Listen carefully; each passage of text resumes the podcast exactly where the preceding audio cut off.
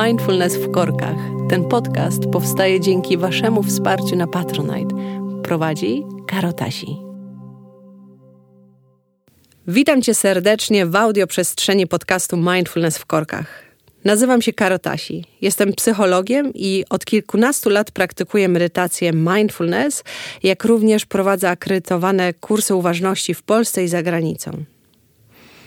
Skąd nazwa mindfulness w korkach? Uważność, która przejawia się poprzez stan życzliwej obecności, jest dostępna dla nas w każdym momencie, nawet gdy wydaje nam się, że marnujemy czas. Na przykład w kolejce na poczcie lub stojąc w korkach podczas godzin szczytu. Zapraszam Cię do słuchania podcastu Mindfulness w Korkach, gdzie rozmawiam z wyjątkowymi osobami, których doświadczenia pomogły uporządkować im ich własne życie psychiczne i duchowe oraz przyczyniły się do poprawy dobrostanu wielu innych ludzi, z którymi na co dzień pracują. Moi rozmówcy to osoby z wieloletnim doświadczeniem zawodowym, na co dzień korzystający z uważności mindfulness w życiu codziennym i swojej zawodowej pracy. Chcesz, bym zapraszała kolejnych gości, z którymi poszukamy odpowiedzi na nurtujące Cię pytania? Będąc patronem podcastu Mindfulness w Korkach, możesz aktywnie wpływać na treści poruszanych tu tematów oraz zapraszanych gości. W pierwszym odcinku poznasz krótką historię rozwoju akredytowanych treningów mindfulness na Zachodzie. Dowiesz się, czym jest metoda mindfulness oraz jak znaleźć odpowiedniego nauczyciela i kurs dla siebie. Przede wszystkim jednak poznasz wybitnego nauczyciela medytacji Wina Harrisa, współzałożyciela Stowarzyszenia Mindfulness Association Wielkiej Brytanii. Czym jest mindfulness? Praktyka mindfulness to zestaw praktyk medytacyjno-kontemplacyjnych, który pozwala zaangażowanemu praktykowi kultywować życzliwy wgląd w jego wewnętrzny krajobraz, czyli w treść myśli, emocji oraz doświadczyć większej klarowności i wewnętrznej stabilizacji. Najczęściej metoda ta kojarzona jest z redukcją stresu, zapobieganiem nawrotów depresji, wyciszeniem umysłu oraz powrotem do tu i teraz. Mindfulness jest najobszerniej przebadaną formą medytacji, którą nauka zajmuje się nieprzerwanie od prawie 50 lat. Zdając sobie sprawę z ogromnych korzyści, jak również i niebezpieczeństw, jakie niesie nieustannie rosnąca popularność metod medytacyjnych, postanowiłam stworzyć ten podcast w celach edukacyjnych. Zapraszając do rozmowy doświadczonych psychoterapeutów, psychologów, psychiatrów, nauczycieli i wykładowców, których codzienna praca czerpie z metody mindfulness. Mam na celu szerzyć wiedzę o korzyściach, jakie z niej płyną, jak również pomóc słuchaczom poznać różnice między profesjonalnymi, akredytowanymi treningami uważności mindfulness, a popularnymi na rynku, potencjalnie szkodliwymi kursami quasi-medytacji. Pierwszym gościem podcastu Mindfulness w Korkach jest mój mentor, doświadczony praktyk i nauczyciel medytacji Vin Harris. Jest on współtwórcą i założycielem zarządu brytyjskiego Stowarzyszenia Mindfulness Association oraz współautorem studiów podyplomowych Mindfulness and Compassion, wykładanym na Uniwersytecie w Aberdeen i w Londynie. Na wstępie pragnę opowiedzieć Ci skondensowaną historię Wina Harrisa, która łączy się z historią powstania pierwszego na zachodzie tybetańskiego centrum medytacji buddyjskiej. Win ma ponad 45 lat doświadczenia medytacyjnego, popartego solidnym treningiem, codzienną praktyką i regularnymi odesobnianiami medytacyjnymi pod ścisłą kontrolą i wsparciem cenionego tybetańskiego mistrza medytacji Akong Rinpoche. Lama Akong Rinpoche przybył do Wielkiej Brytanii jako uchodźca z Tybetu. Warto wiedzieć, że od połowy lat 50. do obecnych czasów Tybet znajduje się pod okupacją rządu chińskiego. Wielkim wysiłkiem mistrz Akong Rinpoche z grupą uczniów zwerbowanych wśród lokalnej społeczności hipisowskiej w roku 967 otworzył pierwszy tybetański ośrodek buddyjski na zachodzie. Centrum Kagyu Samiling jest położone w spokojnej dolinie nad brzegiem rzeki Esk w Szkocji. Nazywam to miejsce moim drugim domem, jako że podczas 13 lat życia w Szkocji często je odwiedzałam, odbywając tu medytacyjne odosobnienia oraz treningi nauczycielskie. Pod koniec lat 60. Win Harris był jednym z tych pierwszych anglojęzycznych uczniów, którzy pod okiem wielkiego mistrza stawiali fundamenty centrum tybetańskiego Samiling.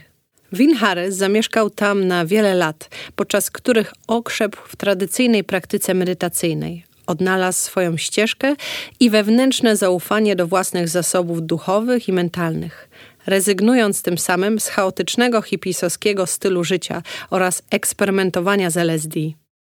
Na nowej ścieżce Harris założył niszową firmę zajmującą się obróbką drewna, która odniosła sukces finansowy i zdobyła szereg nagród za innowacyjność. Dzięki wolności finansowej, którą zapewnił mu biznes, Win mógł w pełni oddać się pracy na rzecz rozwoju mindfulness w Wielkiej Brytanii. Jako osoba z osiągnięciami na wielu polach, Win Harris trzeźwo zauważa, cytuję: Kluczem do sukcesu w życiu jest zdolność pracy ze swoim środowiskiem wewnętrznym. Medytacja z pewnością nie jest sposobem na ucieczkę od świata. Od ponad 45 lat konsekwentnie pomaga mi zachować jasność widzenia, zachować spokój pod presją i znaleźć kreatywne rozwiązania dla wielu zawodowych i osobistych wyzwań, które to nieuchronnie pojawiają się w życiu każdego z nas. Zapraszam Cię do wysłuchania rozmowy z Winem Harrisem, gdzie dowiesz się pokrótce o historii rozwoju mindfulness na Zachodzie, o tym, jak wybrać sobie odpowiedniego nauczyciela medytacji oraz co jego zdaniem daje, a co zabiera praktyka medytacji mindfulness. All right, so więc może zacznijmy od krótkiej historii uważności, czyli mindfulness na Zachodzie.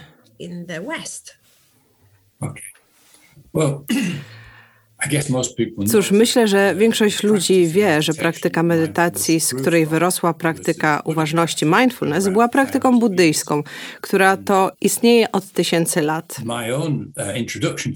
Mój własny wstęp do medytacji został wprowadzony przez nauczycieli buddyzmu tybetańskiego, a to było ponad 40 lat temu. Ale to nie było wtedy zbyt przystępne dla ludzi, ponieważ aby praktykować medytację buddyjską, musisz nauczyć się wielu rzeczy, które można uznać za bagaż kulturowy.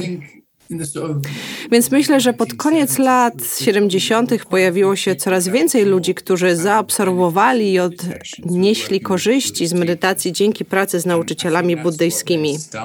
I myślę, że to właśnie wtedy zaczął się ten ruch wychodzący z pytania, jak możemy uczynić tą praktykę bardziej dostępną. Więc oczywiście najbardziej kluczową postacią w tym wszystkim jest John Kabat-Zinn. On zaczął program Mindfulness zwany redukcją stresu opartą o uważność. Kiedyś słyszałem, jak mówił o tym, jak chciałby, by ten program był bardziej neutralny, coś, do czego ludzie mogliby się odnieść. Więc nie jest to żadne przytulanie drzew czy coś ezoterycznego. Tak, mamy wszyscy stres, więc jak możemy to zmniejszyć? Jedną ze wspaniałych rzeczy, które zrobił Kabadzin, to przeprowadzenie wiele badań klinicznych. Używał uważności mindfulness, aby zmniejszyć stres. Przyglądał się temu, czy możemy z mierzyć redukcję stresu. Interesowało go też, czy możemy zmniejszyć ilość przyjmowanych leków przeciwbólowych u osób cierpiących na chroniczny ból i to zmierzyć. Tak więc wykonał świetną robotę, aby medytacja mindfulness była szanowana i akceptowana naukowo. Jest taka historia. Kabadzin miał nauczyciela buddyzmu zen i poszedł do swojego nauczyciela i powiedział mu: Mam taki pomysł, abyśmy uczynili medytację bardziej dostępną. Możemy poprzez to naprawdę przynieść korzyść wielu ludziom, ale czuję się trochę zdenerwowany, aby oderwać medytację od tej jej korzeni. A jego nauczyciel ponoć odpowiedział mu: Jeśli możesz pomóc ludziom, wyrzuć buddyzm, wyrzuć zen, co jest całkiem fajnym komentarzem. Innym razem John Kabat-Zinn powiedział, że uważność mindfulness nie jest nie buddyzmem. Innymi słowy, zawiera wiele praktyk buddyzmu. Wiele z nich zostało zaprojektowanych jako sposób przekazywania korzyści płynących z buddyjskich praktyk medytacji. Hmm. And then Tak więc jest to ta szkoła amerykańska. A potem zajęło to kilka lat rozwoju i ciągłych eksperymentów i potem dr Christine Neff pojawiła się ze swoim pionierskim badaniem w dziedzinie studiów nad współczuciem i życzliwością. Mniej więcej w tym czasie mm, profesor Rob Nerin zdał sobie sprawę z korzyści płynących z medytacji lub wcześniej? Właściwie coś wydarzyło się troszeczkę wcześniej, czyli kiedy John Kabat-Zinn zaczął otrzymywać te bardzo pozytywne rezultaty, e, dzieląc się uważnością z ludźmi. Uh, Pewni ludzie z Uniwersytetu w Oxford w Wielkiej Brytanii, profesor Mark Williams i jego koledzy, poszli i studiowali z Kabadzynem i powiedzieli: Wow, uh, wiesz, to może być naprawdę bardzo przydatne. A ich specjalizacją była terapia poznawcza. I chcieli stworzyć program, który nazwali terapią poznawczą opartą na uważności. I historia mówi, że na samym początku, kiedy wrócili ze Stanów i zaczęli, e, zaczęli ten program, eksperymentowali z uważnością, nie byli w stanie powtórzyć tych samych wyników. I tak porozmawiali z Kabadzinem i w, powiedzieli mu, że to nie wygląda tak samo. A jego pytanie do nich brzmiało: Czy wy macie macie codzienną praktykę? Oni na to, e, cóż nie. A on, a o ile jako nauczyciele nie macie własnej, dogłębnej, codziennej praktyki, transmisja wiedzy, zrozumienia nie nastąpi. I naprawdę wzięli to sobie do serca, wykonali fantastyczną robotę. Tak więc podczas gdy Kabadzin był bardzo skoncentrowany na fizycznym bólu, na chronicznym bólu, a oni przejęli to i podeszli do tematu depresji, lęku i jak uważność może w tym pomóc. I tak powstała terapia poznawcza oparta o uważność, mindfulness. A potem, kilka lat później, profesor Rob Nerin, który jest moim przyjacielem i był związany ze środowiskiem Samiling, który był pierwszym ośrodkiem tybetańskim założonym na Zachodzie, i obaj tam mieszkaliśmy i studiowaliśmy przez jakiś czas. Rob był profesorem kryminalnej psychologii w południowej Afryce i Zimbabwe. I Rob doszedł do wniosku. Wiesz, powinniśmy używać tego, czego nauczyliśmy się od naszych buddyjskich nauczycieli. Rob zapytał Akonga Rinpoche, który był założycielem Samiling, wielki mistrz e, tybetański. Wiesz, myślę o tym projekcie, więc e, czy masz jakąś radę dla nas? Myśleliśmy, że wiesz, może krok po kroku Akong Rinpoche nas poprowadzi, a on powiedział, nie, E, po prostu kontynuujcie, ale musicie e, jedną bardzo ważną rzecz. wpleść tutaj element życzliwości i współczucia do tej praktyki uważności. Brzmi to naprawdę prosto, ale to zrobiło ogromną różnicę, ponieważ Rinpoche obawiał się, że praktyka uważności bez życzliwości i współczucia stanie się po prostu rodzajem mechanicznej kontroli umysłu. I z mojego doświadczenia, poprzez nauczanie z tej perspektywy, dzieje się tak, że nie ma tej różnicy w statusie między nauczycielem a uczniem. Ponieważ jeśli spojrzymy na siebie, widzimy, że wszystkie ludzkie trudności dotyczą nas wszystkich.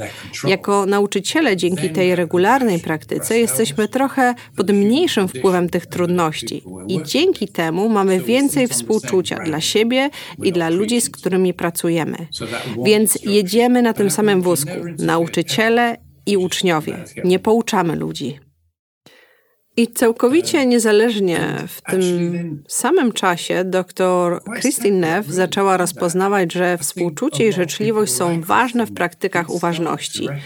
Kolejni naukowcy dochodzili do podobnych wniosków.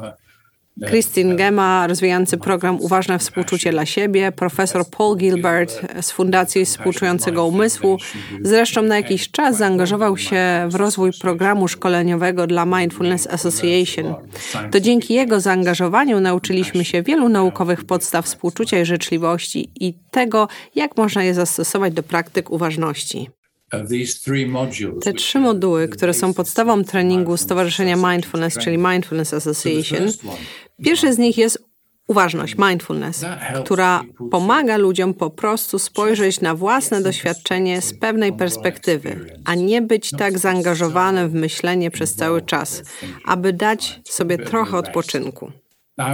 Powiedziałbym, uczenie się, by pozwalać rzeczom stać się lepszymi poprzez nieczynienie ich gorszymi.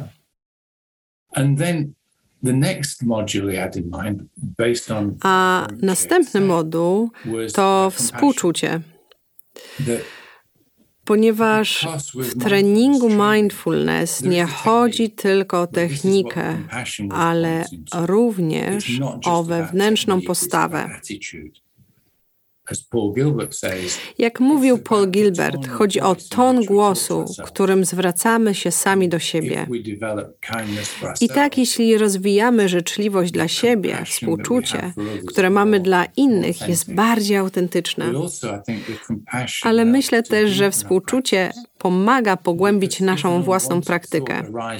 Ponieważ jeśli pojawia się e, niechciana myśl, jeśli jest to tylko mechaniczna uważność, tak zwany Mac Mindfulness, to jest to takie, jak pozbyć się tej myśli, jak sobie z nią poradzić. Lecz ze współczuciem możemy pozwolić sobie, aby ta myśl czy ta niechciana emocja po prostu tam były i dzięki temu dać jej wolną przestrzeń, by mogła się rozpuścić, a my nie musimy się z tym tak mocno utożsamiać. Mamy więc moduł uważności, potem moduł współczucia, a następnie Rob opracował coś, co nazwał modułem wglądu. W module wglądu patrzymy na procesy zachowania umysłu. Obserwujemy sposób i tendencje naszego umysłu do zakleszczania się w ograniczające emocje jak złość, zazdrość, duma.